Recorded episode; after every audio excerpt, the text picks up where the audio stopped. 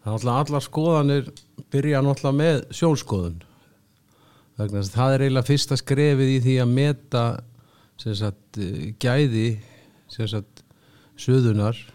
hverju sinni eða þú byrjar á því að skoða hvort það með kverksuða eða, eða stúsuða eða suða á röri eða profíl eða hvað það er. Þú byrjar á því að skoða yfirborð suðunar er, er Er, ertu að sjá einhver kantsár eða er einhver óeðlu kúfur á suðunni og annars líkt?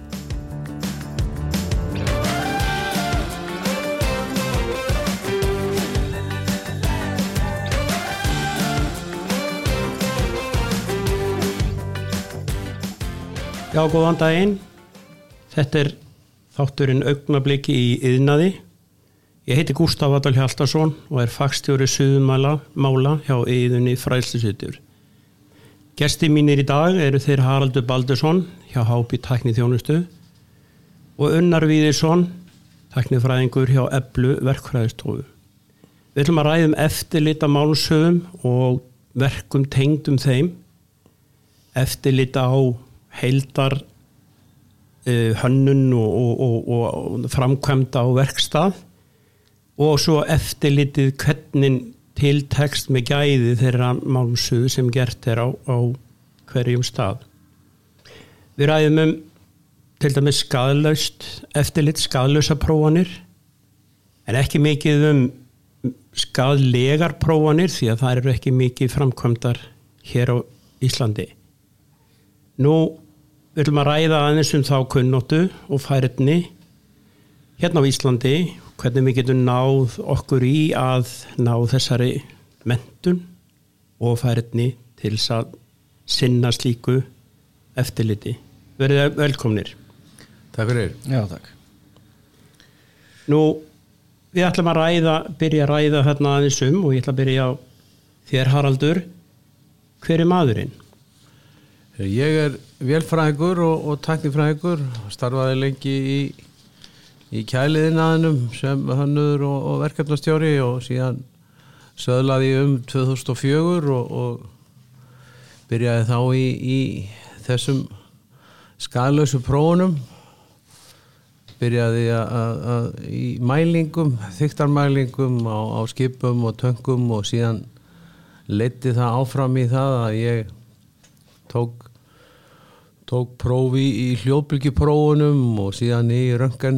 rönganmyndun og, og eins líka í þessum tengdu í þessum tengdu skoðanum eins og sprunguleitun með, með bæði málmögnum og, og, og litaprófanir og það fram eftir göttunum þessi, þessi almennu þessar almennu skoðuna aðferðir Já, sem við minnum kannski spjalla um aðeins og eftir þegar við tölum um þá mentu sem til þarf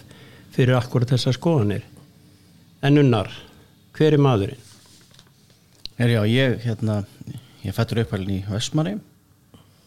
og ég fer þar í, hérna, ég vélskólan og vélverkjanám og ég hans finnst prófið að ég þar að, hérna, eftir. Svo þegar ég, ég sagt, fæ svona meira áhuga á þessu þá fer ég hérna upp á land í fjöldtæknifræði eða fer ég, ég byrjun á því. Og svo hérna allir Danmarkur til úðansi í áframhandlættir ám Já, takk fyrir það. Prófanir á svona hlutum og eftirlit. Við förum og hugsaum og tölum aðeins um eftirlit. Við erum búin að fá einhvern hlut segjum í rörakerfi sem er svoðin eða í, í þarna stálgrindar mannvirki þar sem er búið að sjóða. Það er búið að sjóða bæði kverksöður og stúfsöður. Haraldur uh, lístu aðeins fyrir okkur hvernig þessar þarna prófanir og hvaða er til dæmis eins og sjónskóðun og litaprófun og segulagnaprófun hljóðbylgjumælingar og röngen út, út af hvað gengur þetta svona hvert fyrir sig og, og, og þarna, hvað eru við að tala um? Allar skoðanir byrja náttúrulega með sjónskoðun vegna þess að það er eiginlega fyrsta skrefið í því að meta sagt, gæði sagt, suðunar hverju sinni. Eða þú byrjar á því að skoða hvort það með kverksuða eða, eða stúsuða eða suða á röri eða profíl eða hvað það er. Þú byrjar á því að skoða yfirborð suðunar er, er, er, ertu að sjá einhver kantsár eða er einhver óeðlu kúfur á suðunni og annars slíkt? Og síðan í rauninni þartu þá líka að í gegnum þau tækni gögg sem að liggja fyrir. Hvaða kröfur eru gerðar, er gerð krafa um sprunguleitanir, er gerð krafa um hljóðbylgjuprófanir eða röngen eða hvoru tvekja en það sem að liggur fyrir fyrst er sjónskoðuninn og síðan er náttúrulega bara að meta hvers, hvers konar hvers konar mannvirki ert að skoða? Er þetta rör eða er þetta stálgrind eða er þetta, er þetta plötur, er þetta tankur eða þannig að þú tekur alltaf miða því og, og, og líka þá það er mismunandi hvaða það er mismunandi hvaða eftirlits aðferðir henda best hverju sinni til dæmis í, í, í, í rörasuðu og, og í stáli þá ef þú ferð undir til dæmis 8 mm í efnistíkt þá er gefur staðandin ekki í sjálf þessu leifi til þess að nota hljóðbylgjuprófur vegna þess að það er efni orðið á þund og þá kemur röngennið þá leysir það hljóðbylgjuprófuna af, hendi til dæmis í þeim tilvíkum Ég, þú talar aðeins um staðar. Eru þá það sem þú þið farið eftir í þessum skoðunum og öðru kringum það er þetta þá alltaf að skilgreint í stöðlum og reglum sem þið notið í ykkar vinnu? Já, það, það eru þessir, þessir Evrópu staðlar sem við vinnum eftir í dag. Þar er algjörlega tilgreint hvernig í rauninni skoðan þetta er eiga að fara fram hvernig stillingar á tækjum eiga að vera. Nú til dæmis viðmiðanir hvern, hva, hvað er leift það er ákveðin flokkun á, á, á gæði á, á málsöðum. Hvað er það, er það B eða C eða D? Það er mikið verið að vinna í, í, í B og C flokkum og þá er þá eru líka dæmingarstalar sem að segja til um hversu, hversu djúb mega kantsár vera er í gegnum suður eða, eða samsuður og annað, annað slíkt. Það eru ákveðni gallar sem eru, eru korki leiðir í flokkum B eða C og þá, þá ef að þessi gallar eru fyrir hendi þá, þá er, er uppfylla þær suður ekki, ekki þau gæði.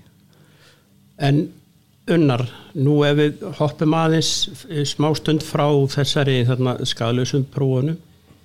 þú lítar að vinna heilmikið með stöðlum líka eh, til dæmis þegar út með eftirlit með hönnun og svo framkvæmt fyrir verk kaupa Já klálega, það er, það er hérna, hérna þetta, þetta byggist upp á því hvaða hérna hvernig verklýsingar eru eða út på skögg og hvaða farið fram. Og hérna svona eins með staðla það er hérna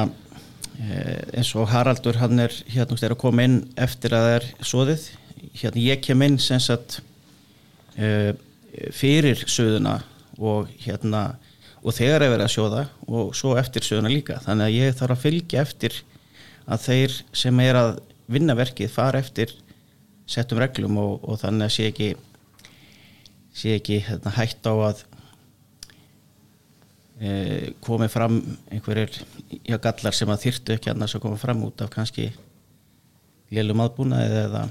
þess að það Þú sem sé fyrir verkkaupan að fylgjast með því að það sé farið eftir öllu sem er í lýsingum á því verki sem er verið að framkvæma? Já, það, það er upp það er, það er alltaf sagt, sett fram einhverjir staðlar sem að á að fara eftir og, og hérna maður er búin að svolítið að sökka sér í þá og hreinlega til að vita hérna, eftir hvað maður, maður á að leita og, fylgjast með. Og þetta er náttúrulega bara e, til þess að já, verkkaupi fái það sem hann er hreinlega hérna að borga fyrir. En það má þá segja að þú hafið eftirlit til dæmis eins og með Haraldi þegar hann er að, að framkvæma sína vinnu. Í sko ekki beint eftirlit með Haraldi heldur er það oft líka þá er hlutverk eftirlismanns að velja söður eða af hluta til stundum, stundum ekki, þetta er svona allskyns, en svo líka er það að vinna bara með sagt, þessum óhauða eftirlismanni sem kemur inn og, og hérna og fylgja því svolítið eftir en, en hérna ég hef svo sem ekki hafa eftirlit með honum sem slíkum. Nei, en ef við tökum til dæmis eins og uh, ef við skoðum tvennskonar söðu Haraldur eins og við myndum tala um stúfsöðu. Þú rættir aðeins um mismunin þarna í 8 mm um hljóðbylgju og svo rönginmyndir en ef við til dæmis uh, hugsa um okkur að við erum með stálmannvirki þar sem er mest megnisverið að skoða kverksöður hvað er það? Það er ekkit alltaf hægt að koma hljóðbylgu eða röngenmyndun að slíkum eftirliti. Og hvað er það helst sem við notum og, og hvað aðferðafræði er það mest notað í, í, í þeim tilfellum? Það er náttúrulega eins og fyrr saði þá er, þá er það náttúrulega alltaf sjónskoðunin og í sjónskoðunin er, er líka þar þarf það að mæla til dæmis amál, ef við höfum að tala um hver, hverksuður er, er suðan sem sagt með næjanlegt amál meða við þau tæknigögg sem að liggja fyrir er áferðin á suðunni sem sagt eins og, eins og staðall segir tilum eru, erum við að sjá kantsár erum við skoðum frágang til dæmis þar það er mjög ofta sem að menn er að, að stoppa byrja aftur loka fyrir enda og, og svona ímis frágangur sem maður fylgist með og síðan ef maður hefur hefur grunum að eitthvað sé ekki alveg eins og á að vera en þetta er náttúrulega, í, þetta er náttúrulega yfirborðs skoðun á söðunni. Við erum ekki að skoða inn í efnið en þá notum við oft sprunguleitunar sprunguleitunar tæki sem eru þá segultangir og við setjum ákveði bakgrunnsefni sem er, sem er það er tvær mismæðandi aðferðir í því. Við notum kvítt bakgrunnsefni og síðan málmagna svarf í, í,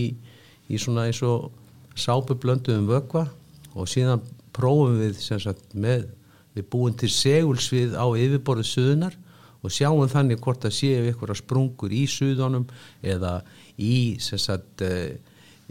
það sem er kallað HAS, Heat Affected Zone það sem getur verið ef að suða kólnar og fratt til dæmis þá geta komið sprungur á þeim svæðum. Síðan er líka hægt að nota það sem við erum í starri verkum þá notum við líka fluorescent málmagnar vögva og þannig að og það er líka þann, það er ekki allir hluti sem að eru þannig að menni vilji fá þessa bakgrunnsmálingu á hlutin, það geta verið einhverjir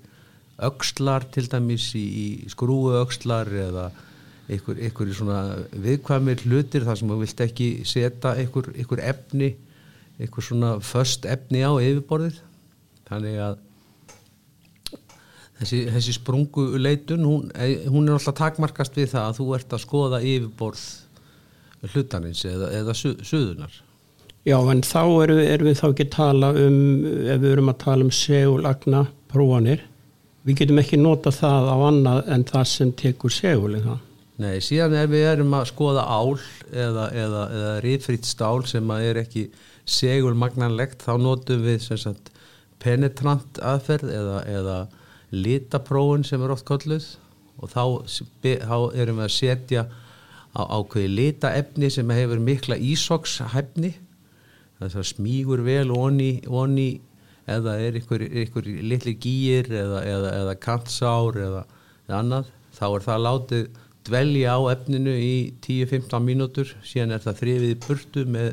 með reysefni og síðan er settur svona ákveðin framköllunar það er sett svona ákveði framköllunar efni yfir svæði sem þú varst búin að reynsa og ef það er ykkur, ykkur, ykkur, ykkur hollými eða, eða gallar eða, eða, eða ykkur sár að þá dregur þetta framköllunar efni litin upp úr. En þetta getur við þá notað í svona yfirbórskoðanir á ósegulmagnalegum nefnum. En þarna þegar að, unnar, þegar að Haraldur kemur að svona verkefni, verki, hann eh, ekki ríkur hann að og tekur bara það sem húnum hendar í skoðunum, til dæmis 100% eða einhvað annað. Það lítur að vera einhvað annað sem, sem, sem, sem segir til um það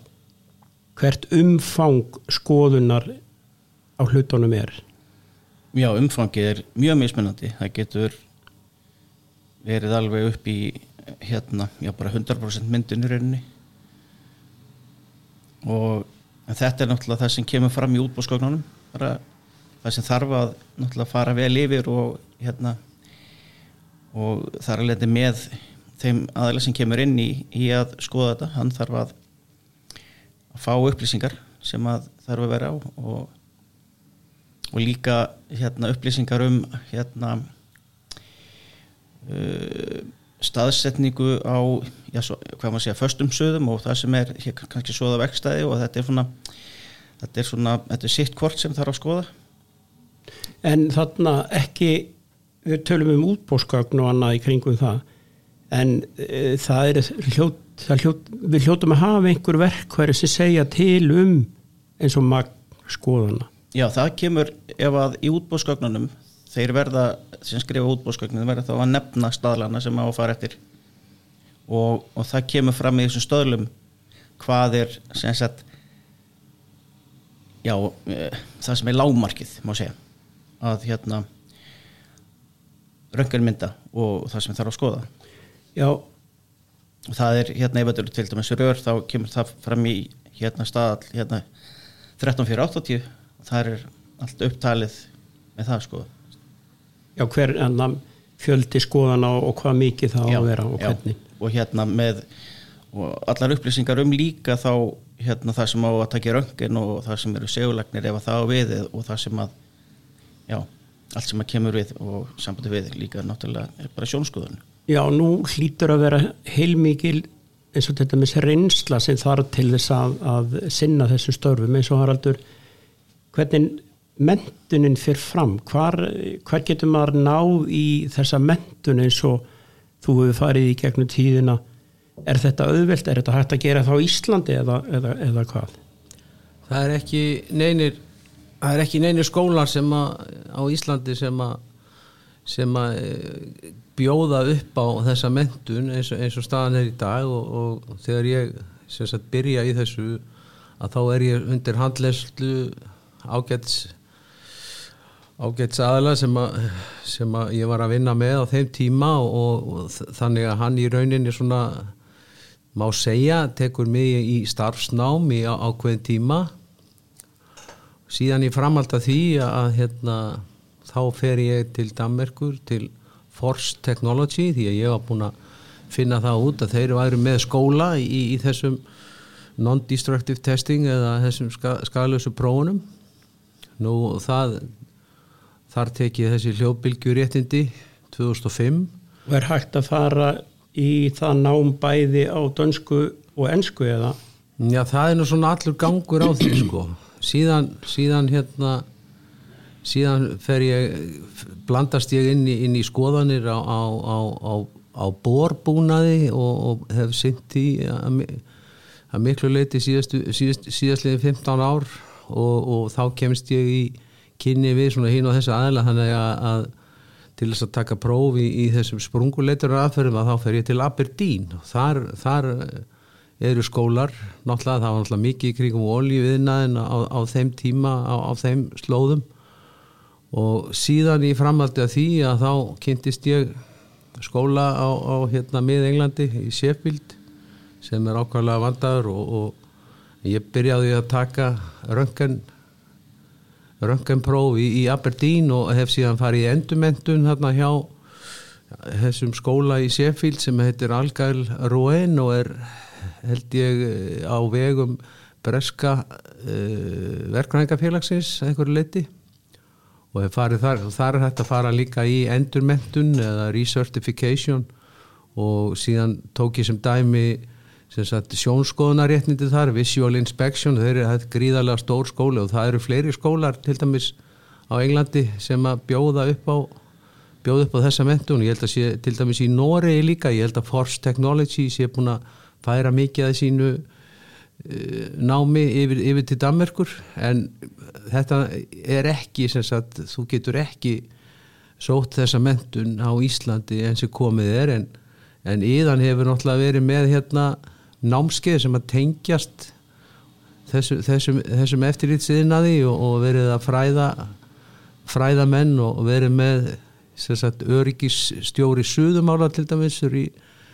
sem að er sem að er náttúrulega hluti af þessu staðlaverki sem er í gangi í dag þess að Responsible Welding Coordinator. Já, meinar ábyrðarstjóra Suðumála. Já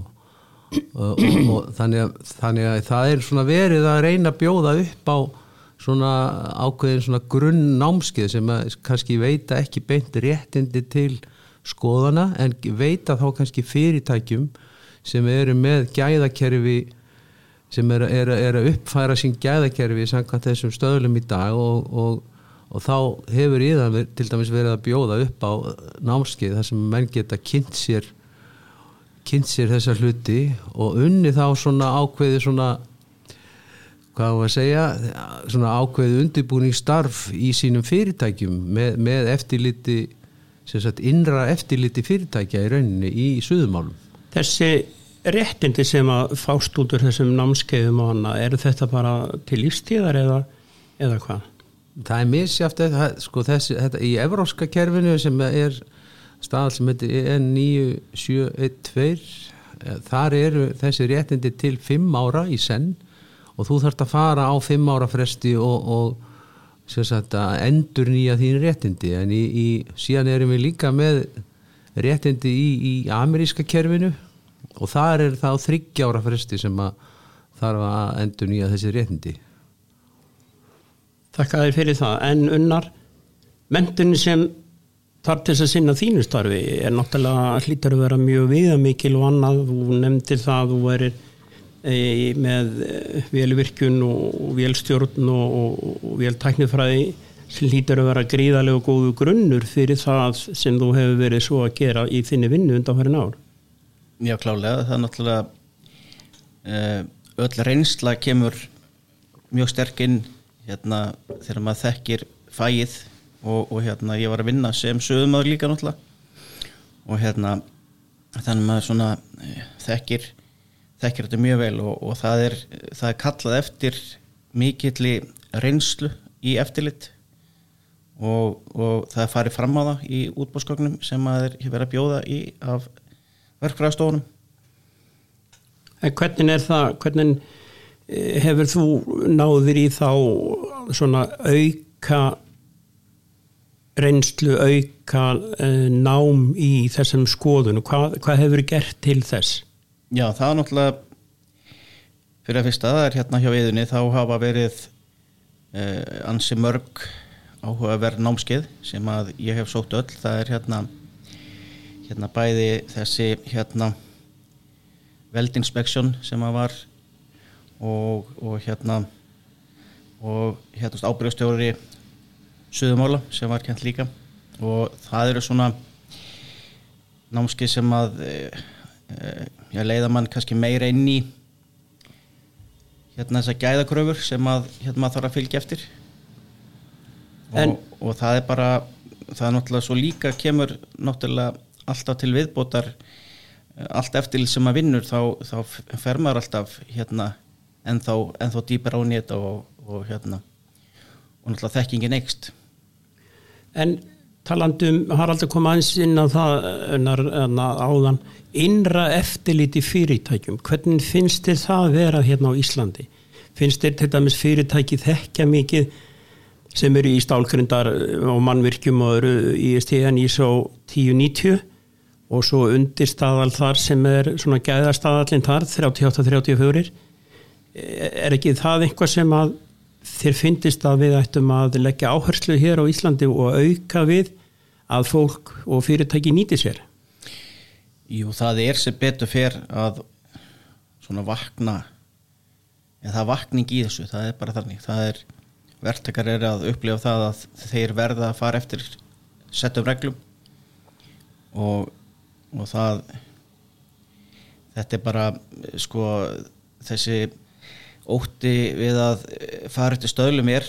hérna, þetta er bara þetta eru leiðbyrningar raunni og það þetta hjálpar öllum. Þannig að ég ég er, ég er alltaf að alltaf að hvetja alla verktaka til þess að kíkja á á þetta og, og, og hérna og líka þú veist þessi þessi e, bara gæðamál hérna eins og varðandi uh, uh, söðuferðla og uh, hérna suðu skýrtinni hérna fyrir hérna söðmennin og allt þetta. Þetta er svona, þetta er alltaf alltaf lagast. En þetta, þetta er náttúrulega þetta, þetta var svona ekki allstaðar jafn gott Ég, ég, ég tek undir það með akkurat það sem þú komst inn á með ferilgerð og fara í vottaða ferla að það er algjör vakning á þessu ári í gerð þeirra fyrir hinn og þessi fyrirtæki þess að þau sjá það að vera með vottaða ferla og vottaða suðumannina menn það hjálpar þeim mikið. En ég hérna hef stundu tekið eftir því að, að fyrirtæki verða hrætt þegar við tölum um gæðastaðal. Menn tala um 9001 og það leysi allt sem heitir gæðamál í fyrirtækjum en svo þurfum við bendum eða bendir á 38-34 sem er sér hannað fyrir málm og söðuverstaði þá svona eins og það rökka allir tilbaka. Hva, hva, hvað finnst þér um það? sko þessi stað 38-34 hann er endar einstaklega svona læsilegur. Og ég, þú veist hann, hann segir rauninni allt sem þú þart að gera. Og þannig að hann er eh, með betri svona leiðbenningum sem þú færð ef þú ert með hérna, þannig vekstaði sko. Ég veit um eitt verstaði sem er á landinu sem að við höfum komið og aðstofa með 38-34 og ég persónulega segi það, það breytti gríðalega miklu. Öllu svona bæði viðhorfi og öðru í kringum umgengni og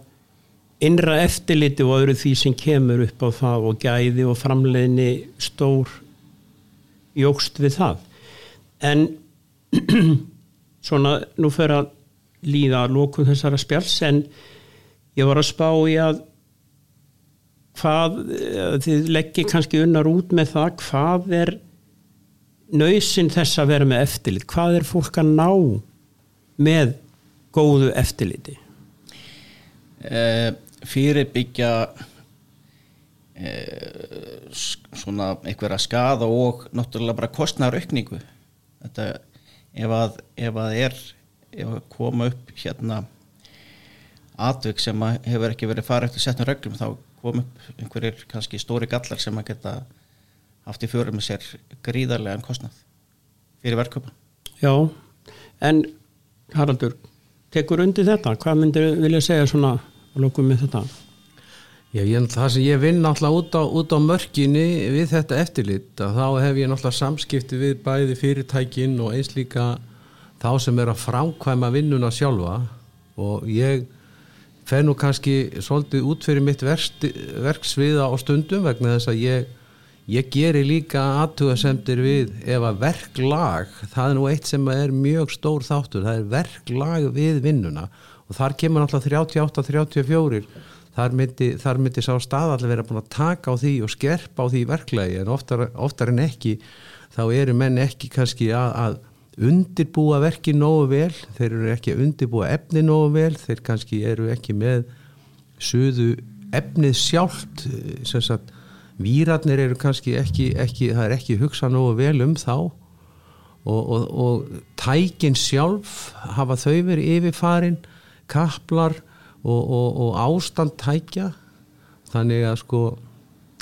en ég, ég sé samt sko að, að þetta eftirlit minna, hver er tilgangurinn? Tilgangurinn er, er sá að við fáum meiri gæði